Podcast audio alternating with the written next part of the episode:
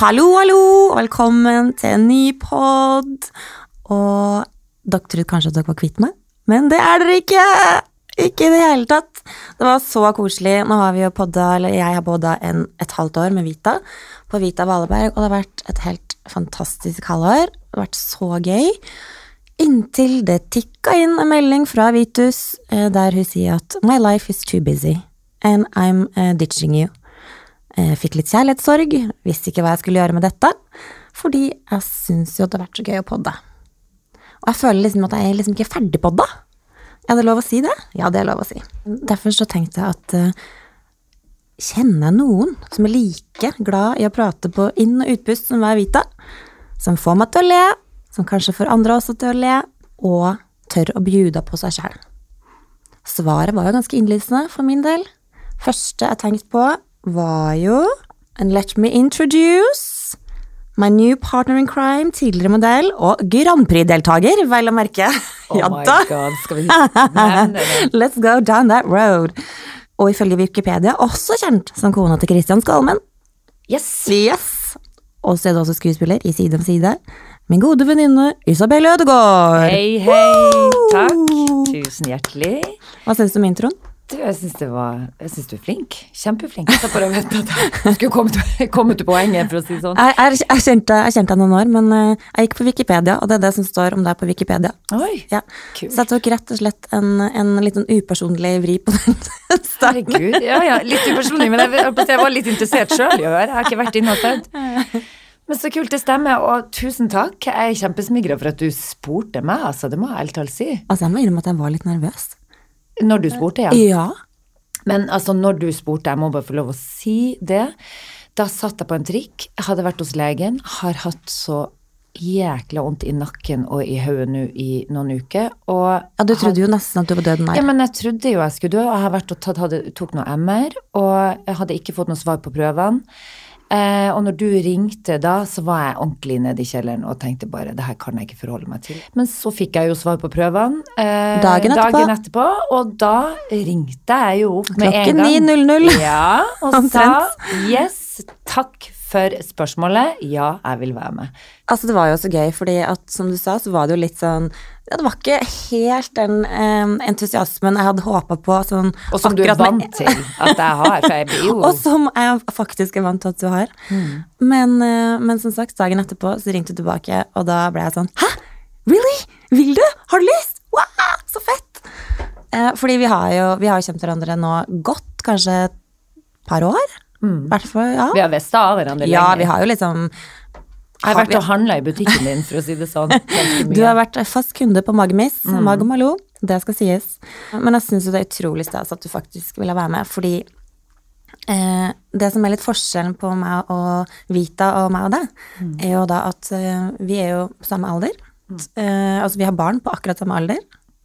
Vi har veldig type, eller samme type form for humor. Kanskje litt dark innimellom. Nei, min er ikke dark. Eh, den ganske dark. Snakk for deg sjøl. Så, så jeg tenker jo det at, så jeg tenker at vi har jo Jeg tror vi kan bli et ganske godt team framover, så jeg gleder meg masse. Enig. Hva har du lyst til å snakke om på denne poden, da? Snakke om hverdagen. Ja, Eh, en snakke om liten det hverdagspod. Ja. Ja. Det vi opplever, det Altså, tema, viktig tema. Snakke om livet generelt. Hvordan, hvordan har du det? Hvordan har du det i dag, Isabel? Jeg har det bra. Jeg gleder meg til jul. Ja. Jeg er veldig julemenneske, så jeg har gått og forberedt meg nå i en måned, rett og slett. Jeg har pynta juletre. Jeg har gjort egentlig det meste. Bakt pepperkaker, masse småkaker. Hvor tidlig er du oppe med juletreet? For det føler jeg definerer et ekte julemenneske, og ikke. Nei, men jeg er jo veldig opptatt av tradisjonene, men eh, Så jeg har jo alltid gjort det på lille julaften, helt til i fjor. Fordi da eh, begynte jeg å pynte det juletreet og tenkte at de ungene syns det er gøy, men de henger på de tre første kulene, og så er de dritlei. Og så står jeg der alene til ganske seint på kvelden og er utslitt på selve julaften. Så tenkte jeg bare, vet du hva, det her er siste året jeg står dagen før. Du gjør deg sjøl en Jeg bare gjør det. Da kan jeg sitte og kose meg med dem på morgenen. Spise godteri, ligge under dyna og se på alle filmene som skal ses.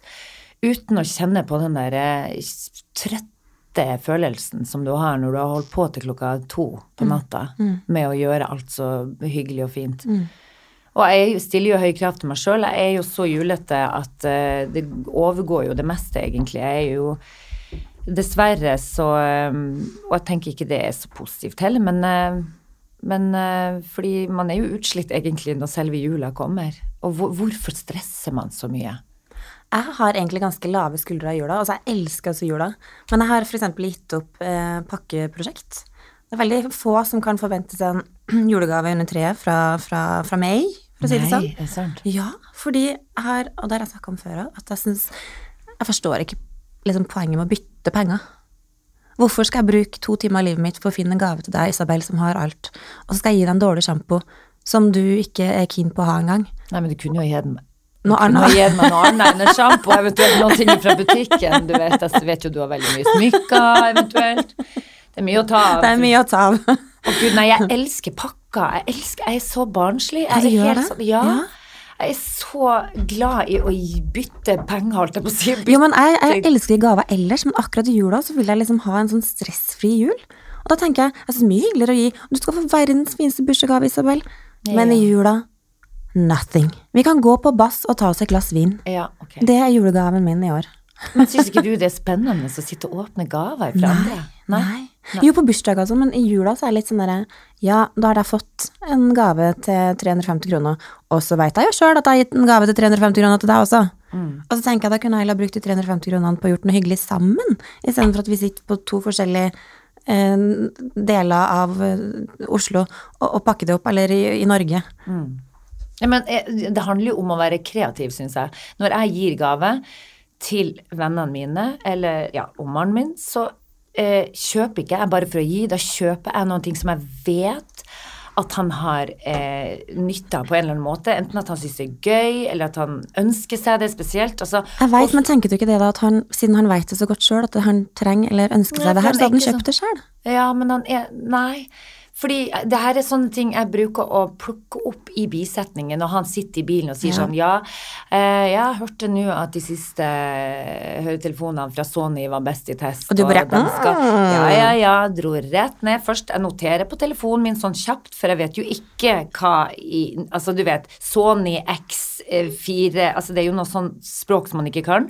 Så jeg bare noterer sånn kjapt ned for å lagre det et sted, og så springer jeg ned der og spør på Elkjøp Hei, du, det her, eh, er det noe dere har? Ja, vi har ett par igjen. Ok, da var jeg lucky, og så blir det det. Check.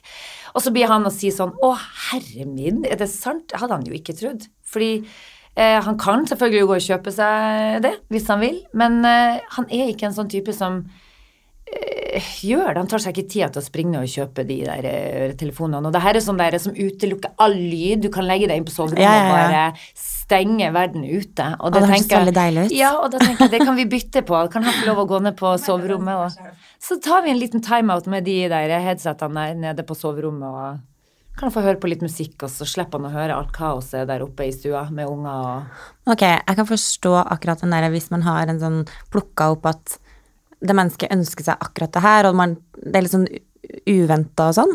Det syns jeg er hyggelig, men man kan ikke gjøre det til liksom Sånn som gi for eksempel gave til alle barna til venninnene dine. Helt uaktuelt for min del. Det har jeg slutta med. Når jeg har fått et fadderbarn, så, så kjære Fabian skal få en gave. Ja, ja, ja. Men resten av kidsa, forget it. Er det sant? Ja. Men altså, jeg er, men jeg er jo den der Jeg er som en unge, jeg merker jo det. Jeg har jo uh, Gunnar følte meg som sånn julegrinchen. Ja, du er litt grinch, egentlig. ja, men jeg jeg elsker er- jo jula. Ja. Bare ikke stresset. Nei. Men så deilig, egentlig. Fordi jeg merker jo at noen ganger så kan jeg bli helt sånn at jeg, jeg har jo jeg, jeg bruker jo en formue på massør. Og du vet, eh, sist nå så måtte de massere meg opp inni kjeven. Fordi du stresset til jul. Jeg er stram over hele. Og det er jo stress. Men eh, jeg tror at det er godt stress, eh, fordi at jeg merker ikke sånn veldig til at eh, det er sånn ubehagelig stress. Men det setter seg jo et sted, tydeligvis. Men eh, jeg har jo pynta juletreet, men jeg har jo bytta det to ganger i løpet av For du vet at det var jo noe feil med det treet. Selvfølgelig var det det. Ja da, og mannen min, stakkars, bærer det ned. Hei, Men hva var feilen med det treet, Isabel? Nei, vi satte ned i den der eh, juletrefoten, og så er det faen meg skeivt. Det, går Altså, det, det var noe gærent. Det sto ut sånn på sida, liksom. Og det går jo ikke, fordi eh, det juletreet skal bare være helt perfekt. Ja. Så jeg Det veide jo søren meg et tonn, så han stakkars mannen min måtte bære det ned. Og hei, hei, kan vi få bytte? Og så fikk vi jo selvfølgelig det, men det er jo, han syns jo det er så flaut. Syns du det var litt småkleint å, å, Nei, akkurat å klage på et juletre? Nei, jeg, jeg, jeg klagde i fjor òg. For da daua det etter fem dager. Det så ut som jeg var langt ute i januar etter fem dager, og det er nedtur for meg som elsker jula. Så da, var, da hadde de glemt å kappe av voksen under det treet. Ja, men fins det reklamasjonsrett på juletrær? Tydeligvis. Ja, det funker for deg. Jeg fikk det til. Men kanskje det er smart? Hvis man da kjøper juletre sånn veldig tidlig, så kan du ha det fra november, faktisk. Bytte det i desember, klage på det, og ha det Du kan ha to måneders jul. Jeg tror kanskje jeg er det eneste mennesket som kommer over og klager. Det er kanskje Så de derfor. ser på Ja. meg som en case. Han bare 'hello, hei, hei, der Men er du igjen'. Men bytter du sted hvert år fra hvor du kjøper juletre, så du ikke blir sånn singled out. Nei, hun får ikke kjøpe trær, hun er så vanskelig kunde. Nei, det som skjedde i hvert fall nå når vi skulle bytte i år, da, så var det sånn at eh, jeg fant faen ikke et eneste fint juletre. Jeg synes det var det, det fineste hadde jeg jo funnet, men der var det jo noe gærent med den der stammen, for den, den hadde vokst skjevt, den sto rett ut. Så jeg øh, fant ikke. Jeg syns alle så helt sånn knekt ut, og de hadde liksom sagd av noen greiner for å jevne det ut, og da følte jeg at nei, vet du hva, det her er ikke Jeg betaler 800 kroner for et juletre, og så skal det se helt stusslig ut og vissent ut. De var litt sånn falma i bladene, om jeg så skal si det. og da sa han sånn Ja, du får ikke penger tilbake, men du kan dra opp på Sankthanshaugen, for da um, Der har vi mer å velge mellom. Og det er jo langt pokker unna der jeg bor, men jeg fikk jo en kompis til å kjøre meg av gårde, stakkars, med bilen sin. Ja, du tok ikke elsykkelen? Nei, det hadde blitt litt vanskelig. Jeg måtte ha dratt etter meg. Men jeg, jeg fikk jo han til å kjøre meg, og det var jo eh, Det ble jo helt topp. Det er kjempefint det treet vi endte opp med, altså. Ja, så nå er du fornøyd? Kjempe, kjempefornøyd. Kjempefornøyd. Her, faktisk. Jeg tror vi har liksom ca. ti julekuler på det, det treet vårt. Har du pynta? Ja ja, jeg må ha juletre inn helst 1. desember. Å. Ja, ja, ja, ja, ja. Men eh, så har vi da eh, forrige år, så vi har to gærne katter. Eh, så har jeg funnet ut at det å ha masse julepynt, det er egentlig ikke noe særlig vits. Så jeg har et veldig minimalistisk tre. Å, gud. Jeg har så mye på det at det, det er Det er kanskje nesten litt i overkant. Men er du sånn som eh, Men du elsker julebord, du elsker hele den førjuls... Det er jo førjula som er det Jeg elsker jula. Jeg elsker det akkurat det jeg gjør. Men jeg elsker det å bare være sammen med folk, ha det hyggelig og gleder meg selvfølgelig til liksom lille julaften, julaften, og bare slappe av og se alt det man vil se på julaften. Uh, Tre nøtter til Askepott må ses. Snart 40 år, men må ha med meg det. Det er tradisjoner. Det er det man- så tradisjon. Men hvordan var de jul som barn, da? Er det der du liksom prøver du å holde på de tradisjonene fra barndommen, eller har du lagd egne? Mm, kanskje en blanding? Ja. Men mamma var mye mer sånn stå på kjøkkenet og liksom Hun var mye mer sånn tradisjon. Akkurat den dagen så skulle vi lage pepperkaker. Akkurat den dagen skulle vi lage de appelsinene med nellik. Mens jeg er litt mer sånn I dag passer det at vi gjør det, og da gjør vi det. Mens eh, så, så har jeg jo tenkt på det at kanskje jeg burde ha vært litt mer sånn tradisjon på når man kan forvente at ting skal skje. Sånn i forhold til at barna elsker jo rutiner og gleder seg til akkurat det og det skal skje. Men jeg tror det eneste jeg på en måte gjør alltid, det er å liksom sånn julesokk i senga på, på morgenen. Eh, på julaften. Og så, jeg vet ikke, jeg har liksom Jeg blir stressa av forventning om at det skal gjøres på likt hele tiden. Tror du folk har for høye forventninger til jula generelt? Veldig mange har Ja, jeg tror kanskje det, men da tror jeg hvis man har altfor mye forventninger, så tror jeg ofte man kan lett bli skuffa, da. Mm. Så kanskje derfor at jeg ikke gjør det, fordi at jeg vet sjøl at hvis jeg legger for mye press på meg sjøl, så blir jeg bare fuck it. Det orker jeg ikke, og så blir jeg stressa av det, og det Da blir ikke mor happy, og da blir heller ikke barna happy, for å si det sånn. Nei. Men tenk deg alle som ikke off, ja. Jeg så på, på si, frokost-TV, det er vel ikke det det heter lenger.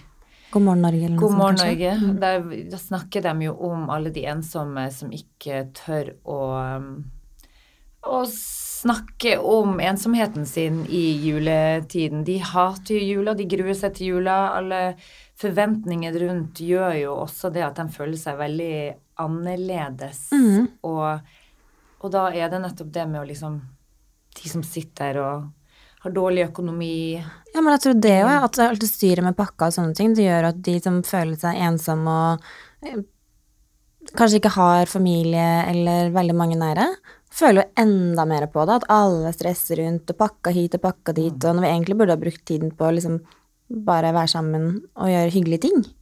Og, hvis, og kanskje for andre, da, istedenfor å liksom bare ha fokus på seg sjæl og hva man sjøl har lyst til å pakke opp på julaften.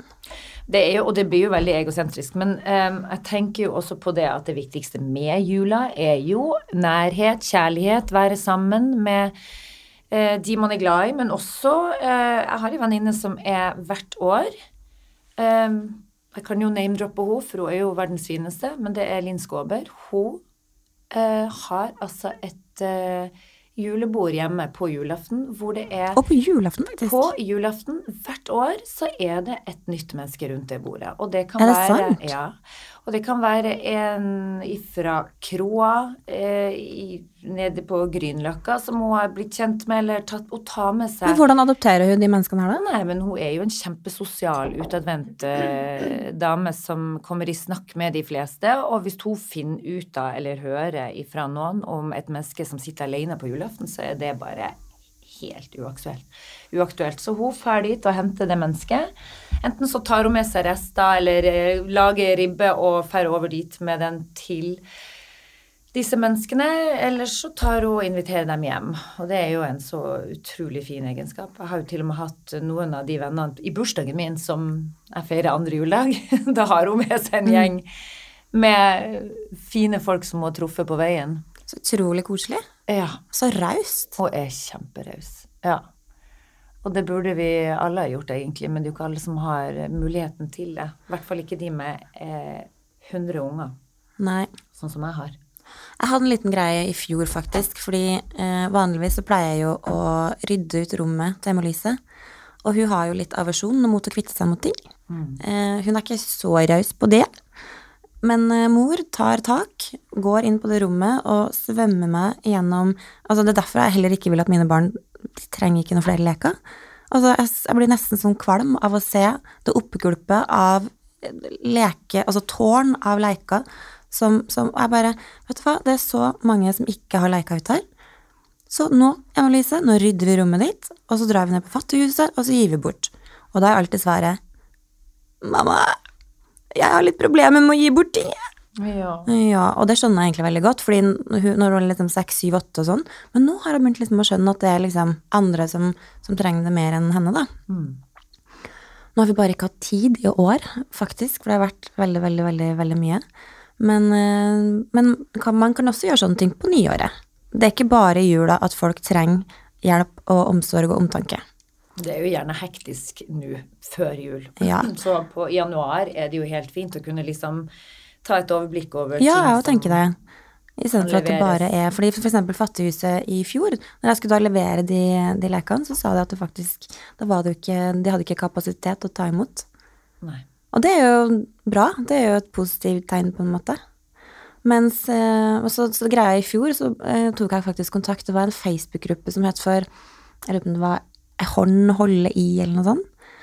Og så der er det da mange som eh, skriver inn og sier sånn, sånn og sånn og sånn i omstendighetene, og veldig mange barnefamilier, alenemødre, alenefedre, som da trenger hjelp og er kanskje i en økonomisk litt sånn kjip situasjon, og har lyst til å gi barna sine en god jul. Så jeg tok da kontakt med en alenemor som da faktisk ikke kunne følge barna sine verken på skole eller barnehage, for de hadde ikke råd til busskort, og de bodde liksom langt unna. Hadde ikke råd til julemat, ikke juletre, og heller ikke julegaver eller julekalender. Og da tenkte jeg at siden Fattighuset jeg fikk ikke gitt bort de lekene jeg hadde tenkt, så tenkte jeg ok, men da Den familien her har jeg lyst til å liksom hjelpe litt. Så da dro jeg opp, hadde med meg et juletre og eh, julepynt. Jeg hadde kjøpt et eh, månedskort på bussen. Handla mat på Jeg husker ikke om det var Rema 1000 eller Ica eller hva det var for noe, for jeg tror det var 3000 kroner eller noe sånt. og hadde med kalendergaver. Og så hadde jeg altså samla sammen masse leker til barna og to sekker med klær, både til mor og barn. Og det, det var egentlig ganske fint, altså. Men hvor, det er jo helt fantastisk. Ja. Men hvor fant du dette mennesket? Var det på den Facebook-gruppen? Det var på den Facebook-gruppa, og nå tror jeg faktisk driver og lager en sånn app som heter Goodify. Ja. Som eh, Jeg vet ikke hvor langt de har kommet i prosessene, men for en genial idé. At Ja. folk kan på en måte anonymt si fra at Fordi jeg tenker det er vanskelig å vite hvor skal man henvende seg. Ja, og det, og det var nettopp det temaet de tok opp i dag, da, ikke sant, på God morgen Norge. Så var det um, dette med å tørre å si fra, at man faktisk er ensom, eller tørre å, og sette ord på det, for det blir jo mer um, sant når man først gjør det. Og, og, og kanskje man føler at problemet blir enda verre. eh, enn det det er. Men det er, jo, det er jo et stort problem å sitte ensom på jula, julaften og, og ikke ha noen å snakke med, ikke mat. Og da hadde hun her eh, som sto frem, da sagt hun hadde tatt kontakt med Frelsesarmeen. Og dette var flere år siden. Nå er hun der hvert, hver jul og har Ja. fått masse venner og ser tilbake. Eh, og tenker jo at hun burde ha gjort det for lenge siden. Men tenk deg så skamfullt egentlig må være den følelsen Eller det skal jo ikke være det, men å bare si at Vet du hva, jeg er faktisk litt ensom i jula. Det er ganske sånn stor baug å bare Hei. Dukke opp alene et sted og bare her er, her er jeg. Men når du først har gjort det, så har du kvitta deg med den Det er akkurat det. Og jeg tenker det er jo på en måte, Da møter man jo folk i samme situasjon. Og Og får eh, Og det er jo en kjempelettelse å kunne dele. Å sitte og snakke med andre i samme situasjon, få seg venner. Um, det Nei, det er virkelig å anbefale for alle der ute som ehm, som føler at de er ensomme eller um, trenger ei hånd å holde i. apropos jula. Du har en litt artig julehistorie.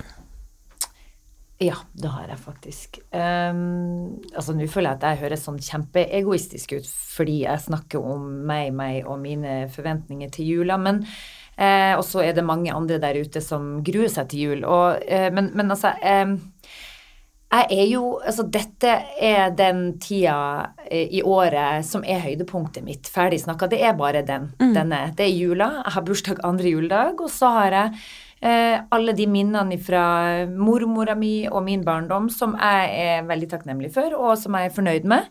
Eh, Jeg har hatt en fin oppvekst, og juleminnene for meg er jo eh, det å gå tilbake i tid. ikke sant? Jeg har samla på julekulen fra jeg var liten, og fra min mormor sitt juletre, som jeg henger på treet, og det gir meg god, en god følelse. ikke sant? Tilbakeblikk til min barndom.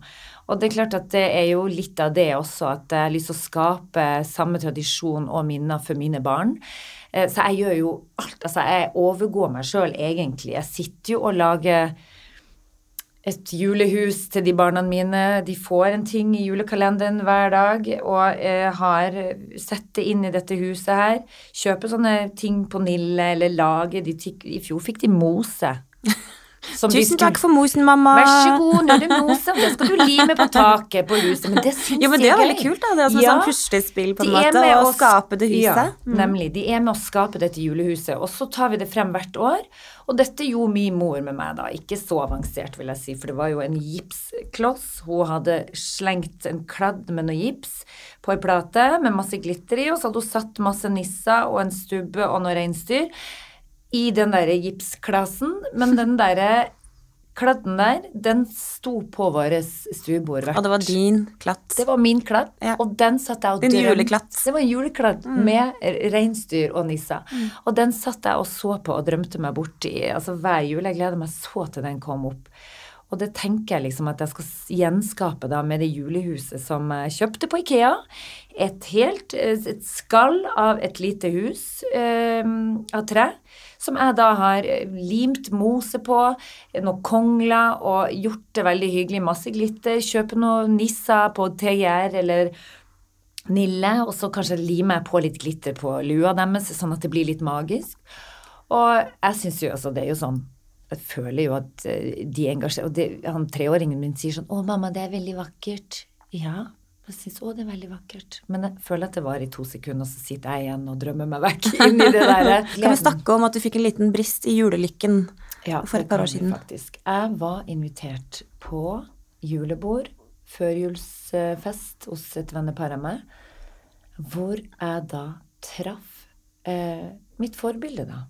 Juleforbilde? Juleforbilde. Og det var rett og slett Hanne Krogh, som er for meg jula. Eh, og vi, jeg fikk henne til bords, og jeg ble jo helt sånn Å, Vi snakker tilbake til Reisen til julestjernen, Eh, Sonja Som er sjølveste jula. Hun Å, er jo enig. jula. Og vi satt eh, til bords og eh, prata, drakk vin og skålte og var helt sånn Og jeg, jeg bare jeg, jeg kjente jeg hadde bare sånn derre høy puls av glede, fordi uh, mer julestemning kan man jo ikke komme i. Og så måtte jeg bare si til henne, herre min, du, jeg må bare få lov å, å si til deg at uh, jeg syns det er så stas å få lov å sitte attmed deg her nå i, uh, i førjula og uh, drikke vin med deg, for det er jo altså helt Altså, du er jo forbildet mitt, og du er jula for meg. Og så ser hun på meg, og så sier hun bare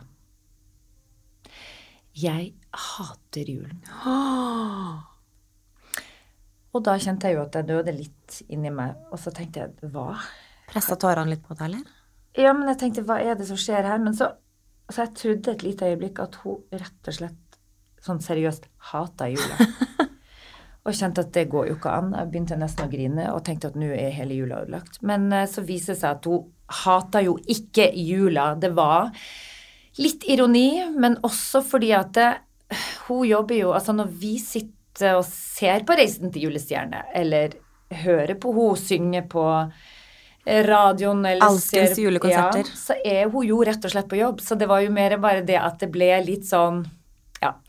Hun Jula for jobber, er jula for hun er jobb, Mm. men for meg er jo jula å se på henne, høre på henne, og ikke sant, det er noe med det.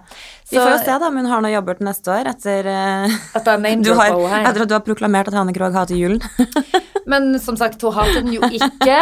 Men hun sa det i veldig sånn tydelig det var, Jeg ble litt uh, satt ut der, altså. Det ble jeg. Men Det viser eh, bare at hun har litt humor, da. At hun sa det nok med litt glimt i øyet. Hun sa det med glimt i øyet, fordi at eh, hun hater jo ikke jula, hun. Men det er noe med at eh, hun får eh, Altså at hun føler det presset, for hun får ikke pynta juletre når alle de andre pynter juletre, for da står hun i kjerka og synger. Men eh, anyway, eh, Marte, jeg må jo bare si at jeg er så glad for at du spurte om at du kunne være med på denne her. Eh, gøy med den havrekaffen jeg måtte kjøpe til deg. Ja, hvordan gikk det? Nei, jeg syns du er veldig gøy, fordi at du er litt sånn som vil ha den der havremelka oppi den kaffen, Ja. og du mener at du merker stor forskjell på vanlig latte og havremelk, men eh, Jeg føler jeg, jeg er jo en selvproklamert uh, havrelatteekspert.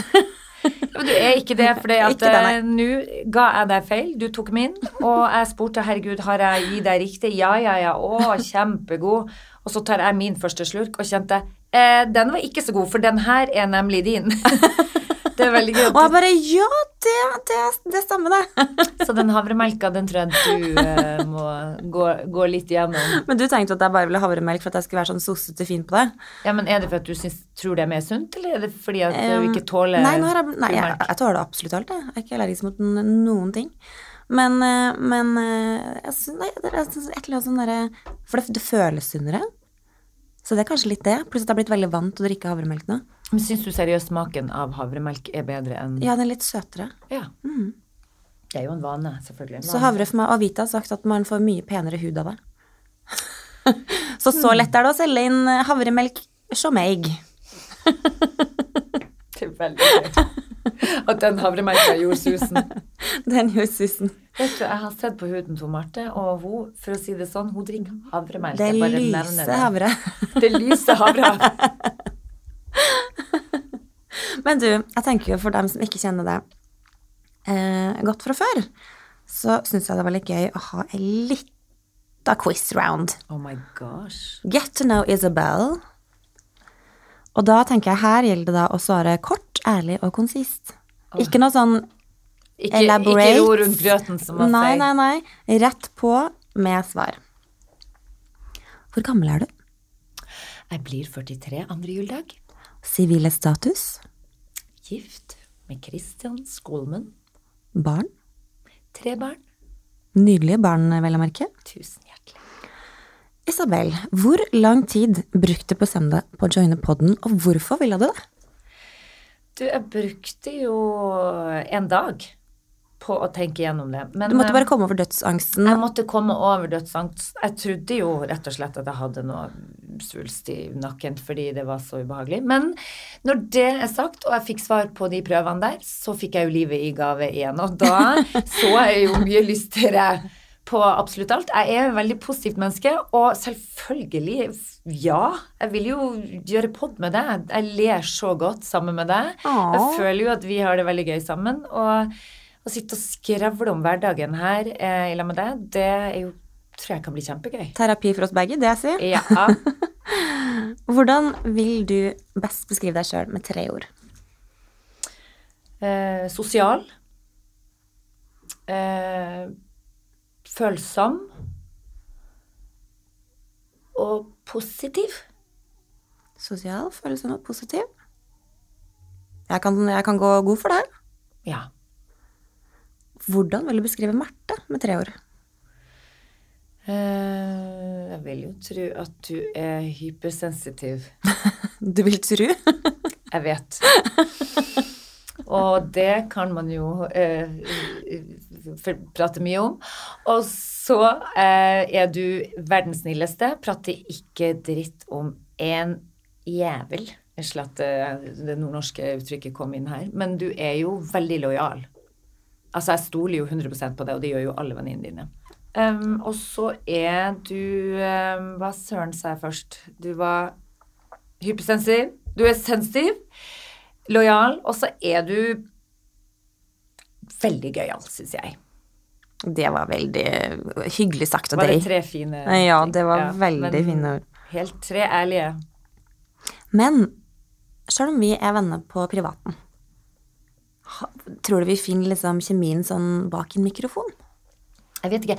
Vi har jo en tendens til å skravle sånn øh, Jo, jeg tror kjemien kommer vi selvfølgelig til å finne. Den har vi jo. Det viktigste er at noen avbryter oss innimellom, for det kan jo bli jækla mye som tømmes ut her. Vi burde ha sånn sånn der referee. Eller nesten litt sånn der-. Faktisk så burde vi hatt liksom sånn Du vet sånn sjakklokke. Når det var sånn bam, bam, bam, og så har du sånn lynsjakk. Ja. Sånn at du har en sånn timer på når skal den ene snakke, når, når, er, når er din tid oppbrukt, når kan liksom Det kan hende at det blir sånn i perioder. For det, det er jo litt sånn at vi, vi bouncer jo litt av hverandre, i hvert fall sånn når vi snakker sammen ellers. Nesten daglig. Det ene temaet går, glir videre inn i det andre, det og andre. det tredje, og så glemmer man egentlig hele starten. yes. Det kan skje. Men det er for at vi er engasjert og Veldig ivrige. da. engasjert. Og så lurer jeg på, hvordan syns du det går så langt, da? Har du lyst til å, ta beina i fatt og, og stikke av, eller ha- Nei. føler du at det er en, et, et sted du har lyst til å henge videre? Jeg har lyst til å henge. Next question. Ja. Hvis noen skulle ha gitt deg drømmetema, Mm. la oss si tre episoder, hvilket tema kunne du bare Yes, det har jeg lyst til å snakke om, det har jeg lyst til å snakke om, og det har jeg lyst til å snakke om. Ja, altså hverdagen generelt for meg er jo eh, et tema i seg sjøl, fordi de er jo aldri like. Du har jo en tendens til å, å havne oppi de mest underfundige situasjonene. Veldig ofte. Men Ja. jeg prøver jo å bruke hverdagen min Altså, jeg prøver å finne humoristiske, gøyale moments, bare sånn for å kunne le. Jeg ser jo meg sjøl ofte i et kaos av en hverdag. Eh, og er jo, har jo høy puls og puster helt sånn høyt oppe. Eh, men så er det bare å prøve å lande litt innimellom og eh, puste litt sånn dypere og tenke at det er veldig viktig å puste. litt lenger ned. Veldig viktig å puste. Og så er det viktig å se litt humoren i det, det kjipe og det travelte i hverdagen, tenker jeg. For det holder deg gående. Ja, og det tror jeg egentlig veldig, veldig, veldig mange kan kjenne seg igjen i.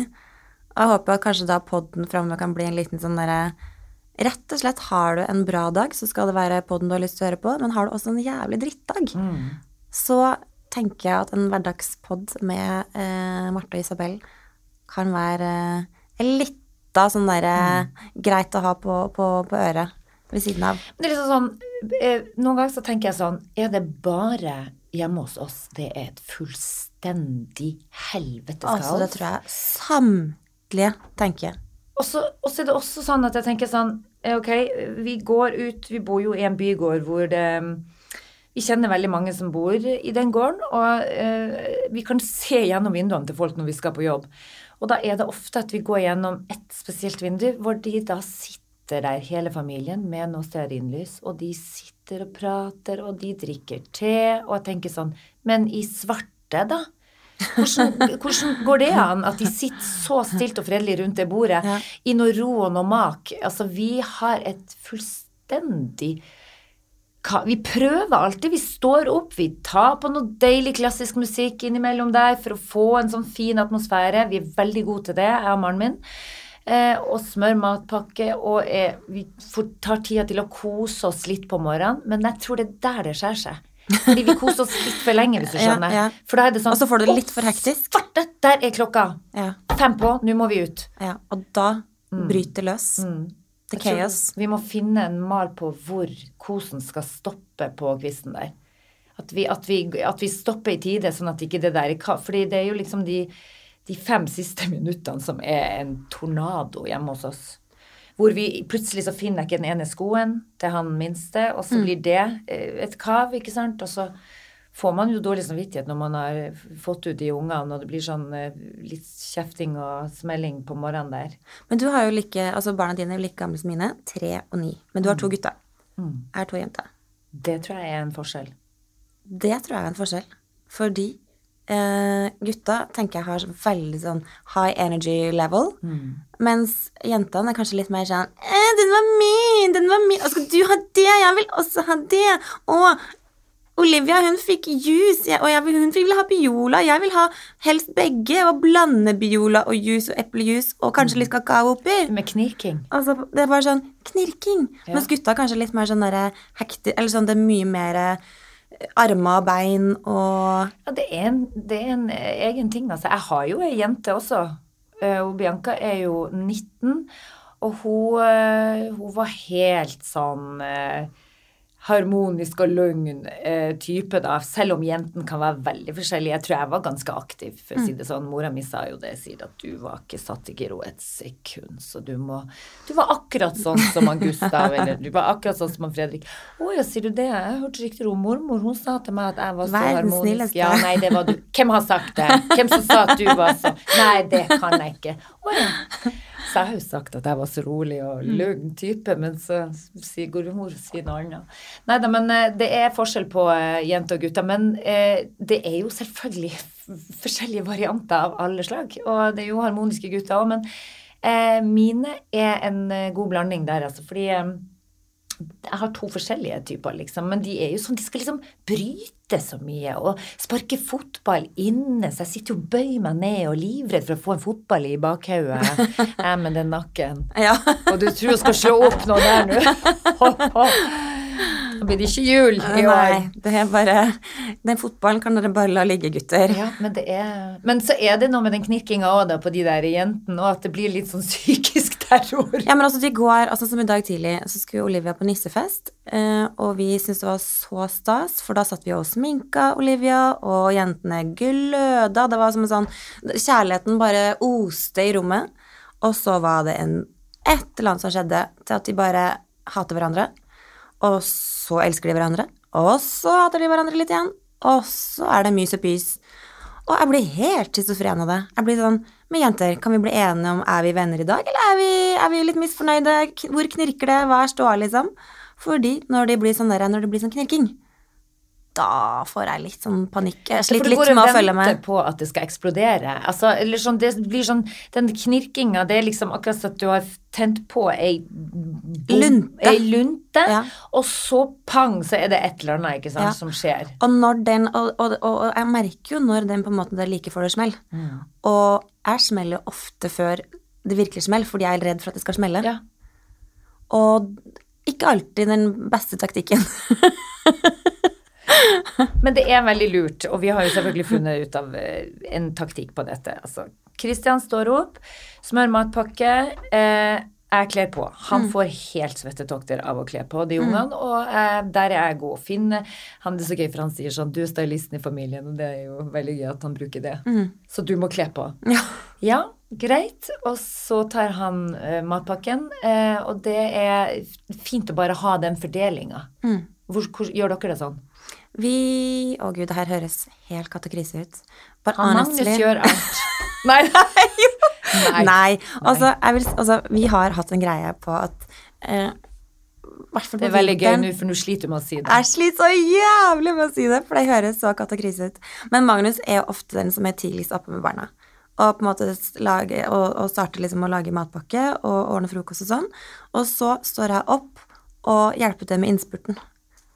Å ja. Og det vil si Det vil si helle melk i glasset. Eh, det det vil si børste hår. Han børster også veldig mye hår. Uh, men, men jeg har en ganske rolig morgen. og det høres så forferdelig ut å si det. Men greia er at jeg har jeg har slitt veldig med muscle pains. Jeg har jo kronisk muskelsmertesyndrom, da, vet du. Ja. Veldig sexy. Men det gjør at morgenen for meg Er er ofte, i hvert fall på vinteren, så bruker den kroppen her mye tid på å komme i gang. Så, så, så det knirker veldig når jeg skal stå opp. Det knirker i kroppen. Det knirker i knoppen. I kroppen. Jeg er jo snart tross alt 40 år. Men hva gjør du med de muskelsmertene? Hvordan fikk du det? Har du fått noen diagnose på det? Ja da, ja da, ja da. Jeg går ikke bare og kaster ut diagnoser Nei, nei, i og i, hytt og i pine. Jeg tror det er en sånn slags samlegreie over litt sånn belastning Slitasje. psykisk og fysisk sånn i forhold til ting jeg snakka om før, da, både i forhold til disse barneprosjektene, Ja. en del, eh, vært en del andre sykdom, bla, bla, bla. Som har så- Som gjør at kroppen min er bitte litt sliten på innsiden. Men er det noe du kan gjøre for å forebygge, eller er det, tenker du at kulda på en måte Altså den perioden her er verst? Det er absolutt det verste. Når det er kaldt, Kulde og stress fuktig er ja. Mm. det absolutt verste. Men, eh, men eh, Over 40, får ikke noe gratis i. får ikke noe gratis, og verre skal det bli. Fy fader. Jeg har eh, Jeg ønsker meg i bursdagsgave av mannen min personlig trener. En gang i uka nå, bare ei lita stund fremover. Bare ei lita stund. Kan ikke du bli med på Core Balance, da? Hva er det? Altså, jeg trener på, um, på Majorstua. Eller hva, hva er det? Hva- er det et sted, hva er eller er det en, er en treningstype? Det er både et sted og en treningstype som har vært skikkelig lifesaver for min del. For det er litt sånn, det er litt sånn Jane Fonda-trening. Det er ikke Oi, sånn så du ser heit ut samtidig? Ja, jeg vet ikke om jeg ser så heit ut akkurat, men Har du leggvarmere? Nei, men det var en god idé. Kanskje det blir veldig morsomt med leggvarme. Men man får sånne, sånne eh, vekter som du får rundt ankelen og rundt uh, håndleddet. Og så kan du stå og så gjør du masse repetitive bevegelser, masse, masse, masse, istedenfor at du står på treningssenter med masse folk som Å, det var 100 kilo, ja! Så du gjør heller mange repetisjoner istedenfor veldig harde, få repetisjoner. Åh, det synes jeg hørtes helt fantastisk ut. Altså, jeg er jo så dårlig i form, altså, men det er fordi at jeg er ganske lat. Og eh, har vært tynn hele livet, så jeg har bare tenkt sånn eh, Da trenger jeg jo egentlig ikke å trene. Men jeg kan hilse deg og si at nå er det altså så mye slitasje både i knær og i rygg.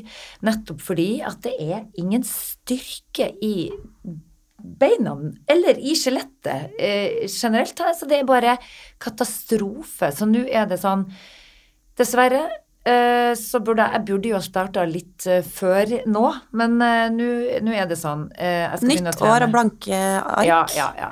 Og det mener jeg seriøst, fordi det har så mye å si. Men det er liksom fordi at man merker jo nå at eh, det svekkes på det her og der. Fordi at det, du må trene opp. Du må styrke muskelmassen din, rett og slett. Og det Pluss- må jeg gjøre. Jeg merker litt sånn psykisk, så er det så jævlig digg å bare komme seg på trening. Uansett om det er på morgenen, eller om det er faktisk etter jobb òg. Og bare få den derre Når du ikke tenker på noen ting, og du bare står og bare er i sånn treningsmode, så får man energi av det, uansett hvor Ja, ja. man er. Jeg får alltid det når jeg har gjort det, og da er jeg så glad. Etterpå.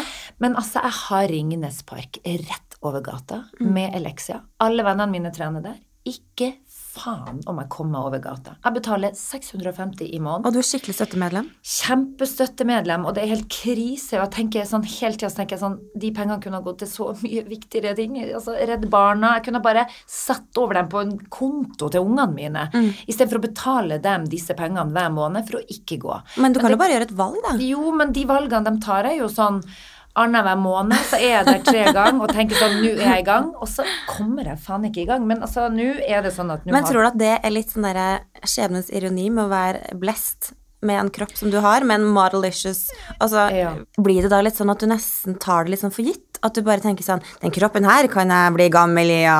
For å si det mildt, jeg kan jo hilse og fortelle hvordan det står eh, med denne kroppen. Den, eh, denne kroppen her eh, Nå har jeg akkurat fått vite at jeg har høyt kolesterol. Så eh, jo, ja, jeg er tynn, men jeg er tjukk inuti. I årene. det betyr tjukk på innsida? Tjukk på innsida. Eh, jeg har alltid tenkt sånn, ja, jeg er tynn. Ikke det at jeg har gått rundt og tenkt sånn, å gud, jeg har så fin kropp. Eh, men jeg har vært helt sånn egentlig greit fornøyd med kroppen min. Men altså, nå er det sånn. Eh, valslegen eh, tok de vanlige prøvene man tar eh, av og til når man er der, og så sier hun legen sånn Du, nå er det sånn at uh, nå er det Ser veldig fint ut her, Isabel, men du, nå har du faktisk litt høyt kolesterol. Eh, spiser du mye ost? nei. Det gjør jeg vel ikke. Nei, fordi det er ganske høyt, sånn at jeg vet ikke hva er det du gjør da? Drikker du mye latte, eller er det Ja, men Nei, jeg drikker ikke mye latte, for det har jeg egentlig slutta med nå for å spare penger, rett og slett. Mm. Eh, så jeg drikker traktekaffe. Og det skal visstnok være best for kolesterolet. Men jeg har jo en halv liter fløte i den kaffen hver morgen. Og det er ikke tull. Kremfløte. For du vet, jeg har jo alltid tenkt sånn hver gang jeg handler den latten, så sier de 'skal du ha helmelk eller lettmelk', så sier jeg jo selvfølgelig eh, 'jeg skal ha helmelk', jeg er ikke på noe diett. Men hallo, tjukt lag med smør, jeg har alltid kjørt så jævlig på, ikke sant? Spis ja. skistudels, potetgull hver jævla kveld. Det er no good, uansett faen hvor tynn du er, mm. så handler ikke det. Og jeg har høy forbrenning, men tydeligvis ikke så høy at de har fått fjerna fettet fra årene, for der ligger det altså et lag. Så med andre ord så er du en uh, tynnfeit person? Tjukktynn. Tjukktynn.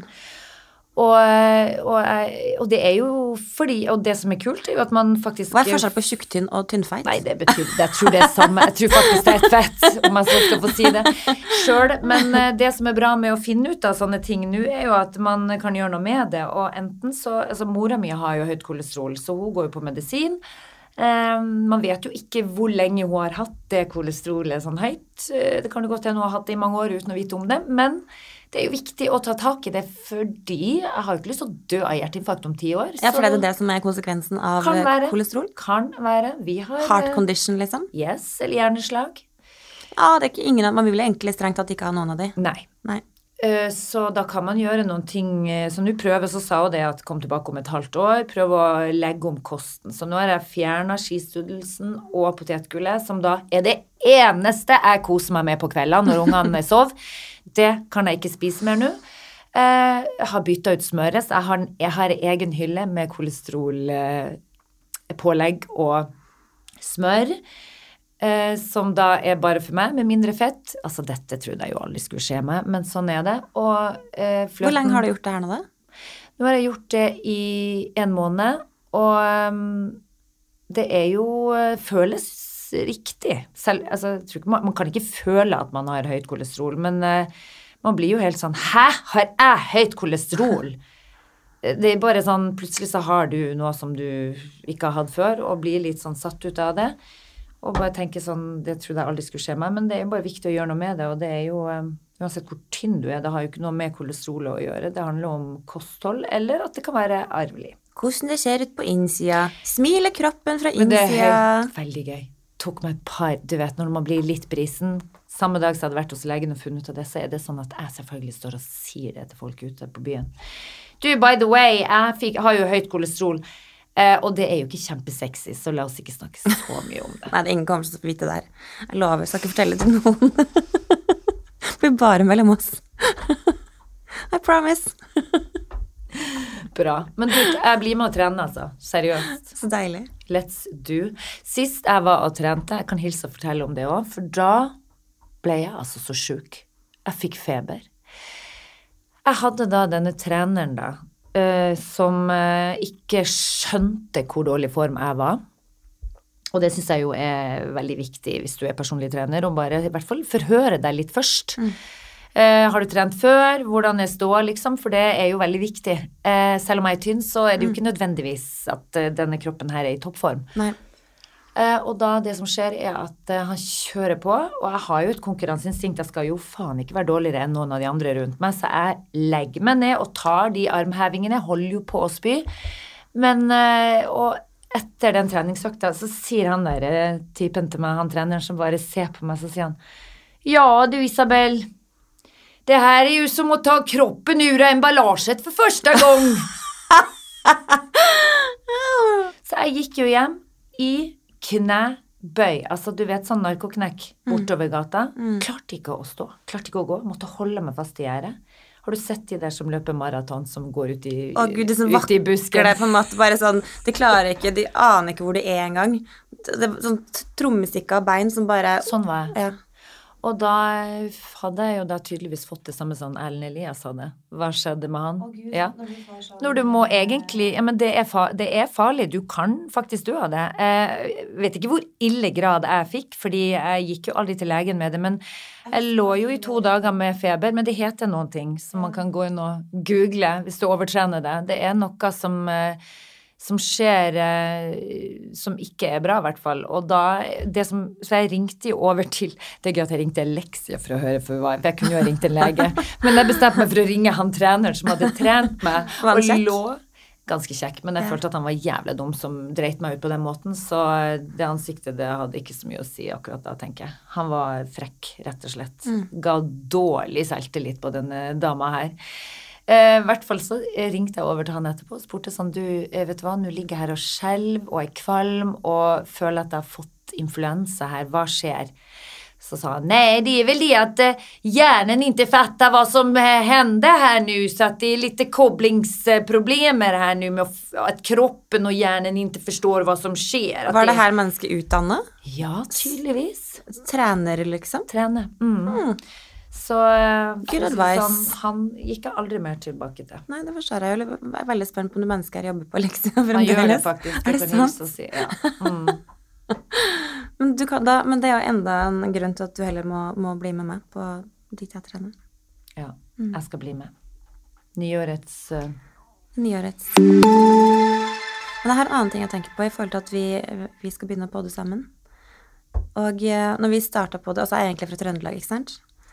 Og så um, har jeg jo et, eh, et eh, annet syndrom også. Å, Ja. Uh, som heter da har du flere? Hvor mange har du? Ja. Hermegås, Hermegåsa-syndrom. Oi! Mm. Eller på folkemunne dialekthore. Så jeg tar veldig etter dialekta. Så nå har jeg jo det Jeg har jo snakka da basically bokmål i båten her hele veien mens jeg bodde med Vita, og nå er jeg veldig spent på Om du har gjort det? om du har eh, vekt et nytt udyr, et dialektudyr. Tenk deg meg bli kav. Men du, du har jo bare godt gehør, da. Ja da, det kan du også si. Men du, blir, så du skal parodiere litt, eh, rett og slett? Er det det som skjer? Nei, jeg vet ikke om det er parodering. Det er vel mer bare Jeg har ikke, jeg har ikke liksom utforska hva det er for noe. Det bare skjer. Jeg blir liksom veldig sånn at jeg speiler Jeg merker ofte for hvis folk sitter på en måte, så blir jeg ofte sånn at jeg setter meg i samme Nei. Jo, det er helt sprøtt. Og hvis de da snakker bergensk, så får jeg lyst til å snakke bergensk. Snakker du eh, nordnorsk, så får jeg lyst til å snakke nordnorsk. Så jeg tenker, det, det her må jo også være en diagnose. Jeg som er så glad i diagnoser. Det er veldig interessant. ja. Men jeg er sånn når jeg drikker og blir litt full, så kan jeg plutselig begynne å snakke østnorsk. Og det er altså så flaut dagen derpå. Hvis noen har tatt en liten snap eller filma meg, og jeg hører at jeg sitter sånn Ja, men det som er eh, Og sånn seriøst, at jeg gjør det, liksom, er jo ei skam. ja, men når du gjør det, så hø du hører at du på en måte kødder litt med det. Ja, at det blir skal Mens være jeg har, gøy. men jeg har faktisk null humor på det. Okay. Jeg blir sånn. og Det er i hvert fall som er flaut. Kanskje du er schizofren? Kanskje. La oss Du kopierer andre det. sine Det er veldig Ja. Jeg skal følge med deg Ja, Jeg gjør det, for jeg merka i sted òg, så satt jeg, satt, jeg satt på den ene måte, og så satt du der med, med hendene, og så fikk jeg lyst til å gjøre det samme. Nei, gud, kanskje det er et syndrom Ja, vi ikke vet om Jeg tror at dette er et syndrom. Det her må vi eh, gå videre på. Hermegåsa-syndromet. Veldig alvorlig al Alvorlig. Kjempealvorlig diagnose. Men veldig interessant. Det, det, la, oss, la oss utforske det kanskje litt sånn utover eh, poden, hvordan det mønsteret her utvikler seg. Men eh, er jo sånn når jeg skal være gøyal, så kan jeg plutselig endre og bli litt sånn fra Manglerud. Litt sånn øst, breial. Har jeg lagt merke til. Hvis jeg skal være litt Og det kan vet du, Det tror jeg nesten kan være litt sånn Og det var så spesifikt som Manglerud. Jo, jeg, jo ja, men det er akkurat Oppsal, Manglerud, oppi traktene der, da. Akkurat det krysset på Manglerud. Men det, men det har jo Det er jo veldig For det blir sånn Skjer det? Hva faen er det du driver med, du, eh? Jeg syns det er veldig gøyalt å prate sånn. Hva er det med det? Altså, at det skal være sånn. Er det, Altså, er det sånn det er på Manglerud? Ja, men så var det en som sa det til meg. Hvorfor blir du Når du skal være girl, så plutselig så er du sånn breial i kjeft. Prater, og så blir jeg nesten litt sånn. Mm. Og du blir der, ja. Nesten litt sånn derre Stelken Gundersen, Hege Ja, ja, ja, ja. Bare litt sånn Eh, Der, liksom. der- og der har jeg vært. For å si det sånn, jeg har vært der. Jeg kan fortelle første gangen jeg møtte Hege Skøyen, som da, by the way, er kusina til min mann. Mm. Jeg har jo vært så blodfan av henne hele livet mitt. Mm. ikke sant? Hun er jo den gøyeste jeg vet om. Og så skulle vi da i 40-årsdag til lillesøstera til Hege, og dette var jo da første møte mitt med familien til Christian, Mm. som den nye kjæresten, da. Der måtte jeg snakke østnorsk, for da ble jeg litt usikker. Hører du det? Legger Ja. om. Kanskje det er rett og slett Ja, usikkerheten det er forsvarsmekanismen. Ja. Fordi man ikke tør Det her må vi snakke videre om etterpå, etter du har fortalt historien din, men jeg tror kanskje at det er litt sånn Ofte så sier skuespillere av det, at det er lett å ta på seg en maske eller en greie fordi at man Da, da slipper man på en måte å være seg sjøl. Mm. Det er mye lettere å spille en rolle enn å på en måte kanskje For mange, da. Jeg har sett uh, skuespillere ofte sagt i sånn intervjusettinger og sånn Det er lettere å ta på meg denne masken og, og være denne personen, Ja, istedenfor der å sitte her og være meg selv. det. Nå Ja, skjedde det. Var ikke det litt interessant? Jo, for hvis man syns det er litt flaut, eller hvis det er kleint, Ja. så mm. Spesielt hvis det blir litt sånn småkleint. Jeg er enig. Mm. Og der var det akkurat litt grann kleint. Ja. Men det som da Tilbake til historien. til historien, skjedde da, så var det jo det at eh, jeg møter Hege og blir jo da selvfølgelig helt shaky fordi hun er så kul. Og så har jo jeg i min eh, ungdom parodiert henne som Steiken i mange år. Jeg har sånn gummitryne, og jeg klarer det skikkelig bra, om jeg så skal si det sjøl. Ja, jeg er enig i det. Og blir, ligner faktisk ganske på han Steiken. Altså, jeg blir så stygg at det er ikke til å tro. Um, Men dette har jo jeg holdt på med i Narvik, eh, og gjort fremfor mine venner. Hadde masse sånn standup da på soverommet, på barne, barnerommet. Holdt på og fikk dem til å le. Og så tar det altså fem minutter. Der står jeg og Christian, og han introduserer meg som den nye kjæresten, og hei, hei, hyggelig og sånn sånn. Og så sier jo jeg da at jeg elsker henne, og da favoritten min er jo steiken. Tror du faen ikke jeg sier sånn, du, vet du hva? Jeg er også ganske god til å dra en steiken. Wow. Det var ganske freidig rett på, liksom. Og så drar jeg faen meg en steik fremfor henne, med noe tunga Første møte. i munnen, sånn at jeg får sånn derre Ja da, boksesterken. Boksetryne. ja. Lager sånn skjevt ansikt og drar Og slurfe med sånn. ja. Sånn. Og da ser jeg jo min stakkars barn. Han, oh, da melder han seg ut, rett og slett. Da får han et sånt ansikt som blir sånn stein, steinansikt. Du kan ikke se noen ting på Ble han akutt flau? Jeg tror han bare forsvant inni seg litt et lite øyeblikk ja. og tenkte å ja, hun dro den her. Jeg hadde ikke dratt den for han heller, det var helt nytt for han, men at jeg skulle gjøre det på det første treffet Skikkelig appropriate, liksom. Ja, det var eh, det, det har jeg tenkt Hvordan ble det mottatt? Eh, hun mottar jo alt med glans, alltid. Så eh, jeg tror bare hun Det var sånn Å ja! altså, jeg tror hun lo for å være snill, egentlig. Jeg tror hun var i sjokk, rett og slett. Jeg tror ikke hun mente Jeg tror, ikke, jeg tror egentlig ikke hun fikk noe sånn formening. Jeg tror hun tenkte sånn Ja, Isabel, du var dritgod til å gjøre steiken. Det tror jeg ikke hun tenkte. Jeg tror hun bare tenkte sånn Hvem i helsike er det han har funnet seg det, nå? er det her det nye familiemedlemmet, liksom? Hva faen har du dratt med deg hjem nå, liksom, Kristian? Men der igjen, jeg tror jeg gjorde det også i en sånn derre Du vet når du bare Det blir nesten en tvangstanke. Mm. At jeg vet søren ikke hvordan jeg skal oppføre meg fremfor dette mennesket Mm. som jeg er så starstruck på. Så eh, det, Men det har jeg jo jobba mye med i ettertid, da. Å Det er lære ikke, å holde det er ikke sånn fremdeles at du alltid tar den hver gang du møter Hege Skøyen. Eller sånn generelt når man møter kjendiser, eller så skal man kise seg til å være litt sånn kvikk i eh, Replikken. i replikken. Eh, nei da, jeg tror nok jeg klarer Vi var jo i familieselskapet Vi er jo hvert år og feirer Så har noe sånn førjulsfeiring sammen, og vi har Det går helt fint. Ja. Vi er så glad i er- hverandre at Du er, du er tatt inn i varmen. Å ja, ja, ja. Verdens fineste familie. Ja, så koselig. Det er faktisk veldig gøy, for vi har jo, eh, apropos Skolmen-familien, vi har jo eh, en del bekjente i Sverige. Eh, og da når Jeg vet ikke hvordan det kom opp at vi Jo, det var vi har vært på hytta til deg, Christian. Og så sier Magnus at ja, det er liksom, vi hadde sønnen til han i selskapsracen. Og om de ble starstruck. Og de bare Visste ni at han er typ den største kjendisen her i Sverige? Altså Jon Skolmen, da. Lite visste jeg at han er megafamous I Sverige. i Sverige. Altså, Sånn, ikke kanskje bare sånn litt. mer enn i Norge. Ja, ja, typ. Ja, ja. ja, ja. Og det glemmer man. Altså det, det, jeg og Kristian tok jo eh, For to år siden så tok vi toget til Stockholm, og da kommer det en eh, billettkonduktør som skal klippe i billetten og bare ser at det står Kristian Skolmen der, og han blir sånn Du er vel ikke tilfeldigvis i slekt med han der Jon Skolmen? og så sier Kristian jo, det er faren min. Nei, nå får du altså gi deg! På Göteborgska, eller? Ja, han var sikker, for du vet vi kjører vel gjennom, gjør vi ikke det? Ja da. Mulig. Mulig. Med svenska grafien min er litt sånn under pari. Kjører vi ikke forbi Gøteborg Kjører forbi Gøteborg, vet du. Nei, men det er koselig. Ja. synes. Jeg er veldig um, starstruck av uh, han sjæl, altså. Han er veldig gøyal. Og sitter jo Han er med i Julekongen nå, så nå sitter uh, treåringen min og skjønner ingenting. Ser bestefar på barne-TV, for han har jo ikke fått med seg en dritt. Han vet ikke at det er noe At bestefar jobba som skuespiller, så han sitter på sånn Det er det bestefar. Ja, det er bestefar. Han har kledd på seg noe romersk Hvilken serie er det? Det har ikke jeg fått med. Hva? Du får vel med deg julekalenderen med barna dine? Ja, men Julekongen. Julekongen? Hver dag på NRK.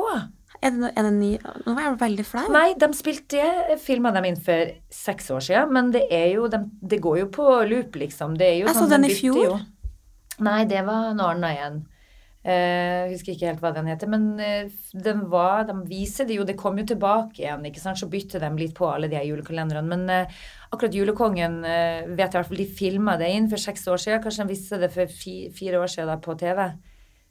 Eller fem år siden, men uansett, det er verdens fineste, og du kan gå inn på NRK, på appen, og så kan du rett og slett eh, gå inn og se alle episodene Ja, for vi ser jo liksom barna. aldri lineær TV lenger, vi. Nei, men altså. Men akkurat det er så koselig å gjøre sammen med ungene, og jeg blir helt sånn hooked up. Og det er liksom, det handler om en gutt som blir litt erta på skolen Mm. i Winter Wonderland. Masse snø der hvor han kommer fra, og så har han bygd seg litt av hule. Så man trekker seg litt unna omverdenen fra å sitte der og spikre og holde på med sine ting, lage masse ting, og så eh, skjer det noe inni den hula hvor det åpner seg en gang, og så går han gjennom den der eh, gangen, og så kommer han ut til sommerriket, liksom, og treffer en helt annen verden. Og der er bestefar Jon, da, inni der. Åh. Eh, men du må se det, fordi Den skal vi asap eh, men altså, Og det er så gøy, fordi alle karakterene er så jæskla god, om jeg så må få si det. For det er virkelig Det er Alle er gode. Ungene er gode. Eh, Reinsdyrene er faktisk også veldig gode. Reinsdyrene er veldig, veldig bra skuespillere. De er skikkelig gode. Du må lov meg at du gjør det.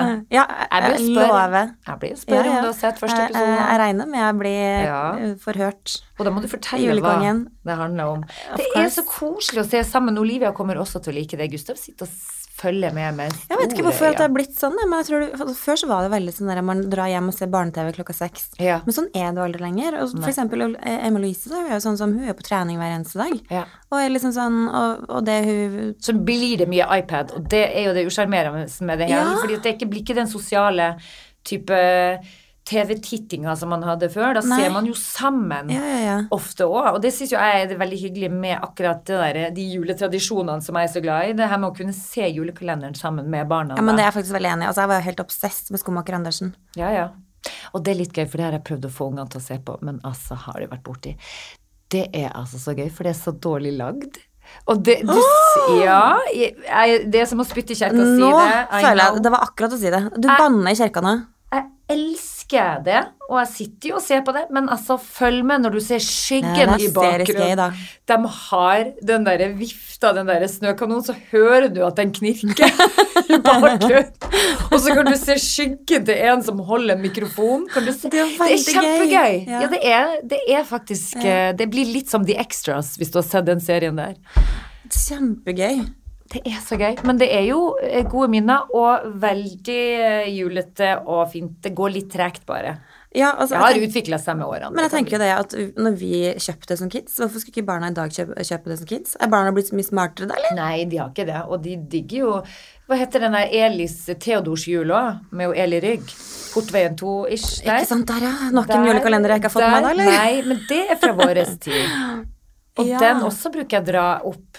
Men jeg merker liksom Når jeg ser på det nå, så føler jeg at det går tregere. At jeg tenker sånn Å ja, den bruker så lang tid på den der pepperkakebakinga. Kunne kanskje ha klippet det litt inn i Men hvorfor tenker man sånn? Men jeg, bare, jeg har sånn gode minner om Tøfflus og Ja. han derre der, Hvem er denne karen Jon Blund. Jon Blund. Det er Jon Blund. Hvor koselig var ikke det? I know. I know. Men vi kan, det er det som er så fint med å gå inn på det der, NRK-appene. Du kan jo se absolutt alt. Det ligger sikkert der ennå. Ja, ja, ja, Skal jeg faktisk gjøre en dag og se liksom bare Hey girls. Ja, men gjør det. Sjekk ut hva mamma så på da hun var litt, da. Ja, men gjør det. Men det er viktig med julekongen, for den er altså så bra. I'll check it out.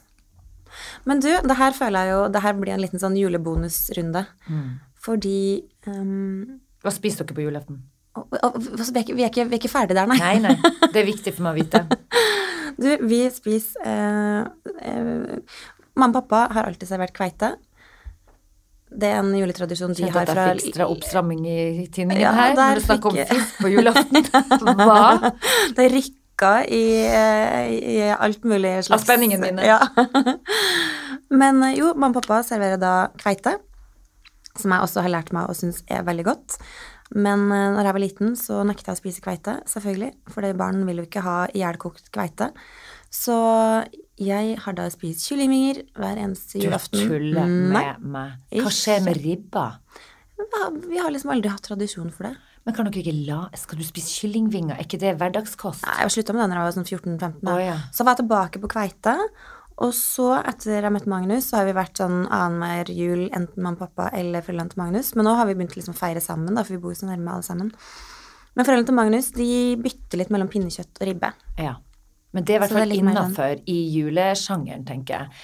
Jeg tar gjerne heller fisk enn en, en, en stekt gris. Ja, jeg skjønner. Ja. Jeg er veldig glad i fisk, jeg òg. Jeg er fra Nord-Norge og spiser veldig mye fisk. Og ikke bare for at jeg er fra Nord-Norge, men fordi at jeg liker det kjempegodt. Og det fordøyes mye bedre i magen min enn kjøtt. Men, og ungene mine også er veldig glad i det, fordi at vi har det såpass ofte. Vi har mye lettsalta torsk. Har du smakt? Elsker. Torsk det er så deilig når det bare flaker seg. Ah, Den hvite fisken. Og akkurat ha sånn passe mengde salt. Ja. Nei, men du strør vel ikke salt på lettsalta torsk? Nei, altså, men jeg mener sånn at det ikke er for mye salt. Da. Nei, den, ja. nå begynte jeg å lure på. Det, det er ikke bra for nyrene, hvis du skjønner. Ekstra salt på den lettsalta torsken. Kjør på. Det er. Invitere deg på middag og ser at du tar saltkverna oppå den lettsalte. Det var et poeng med at den heter lettsalta torsk. Ja. Er det ikke kaffe her på huset? Jo da, det er kaffe. Verste jeg veit.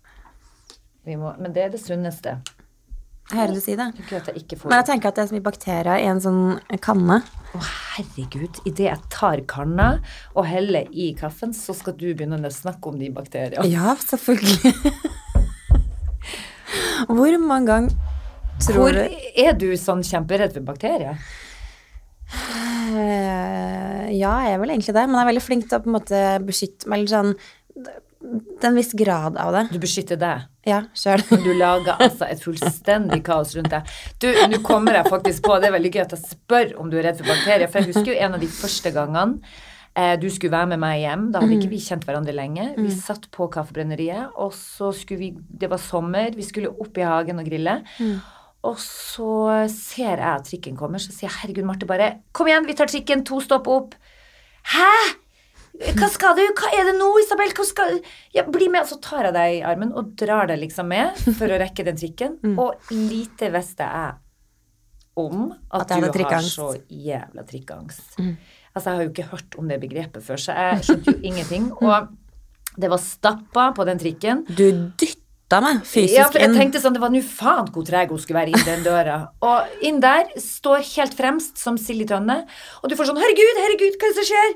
'Herregud, herregud, æsj, æsj, æsj'. Så jeg bare 'Hva?' Hva er det? Skal vi stå her fremme med han derre piloten? Og så hørte jeg bare han eh, som kjører trikken, sier sånn eh, 'Piloten'.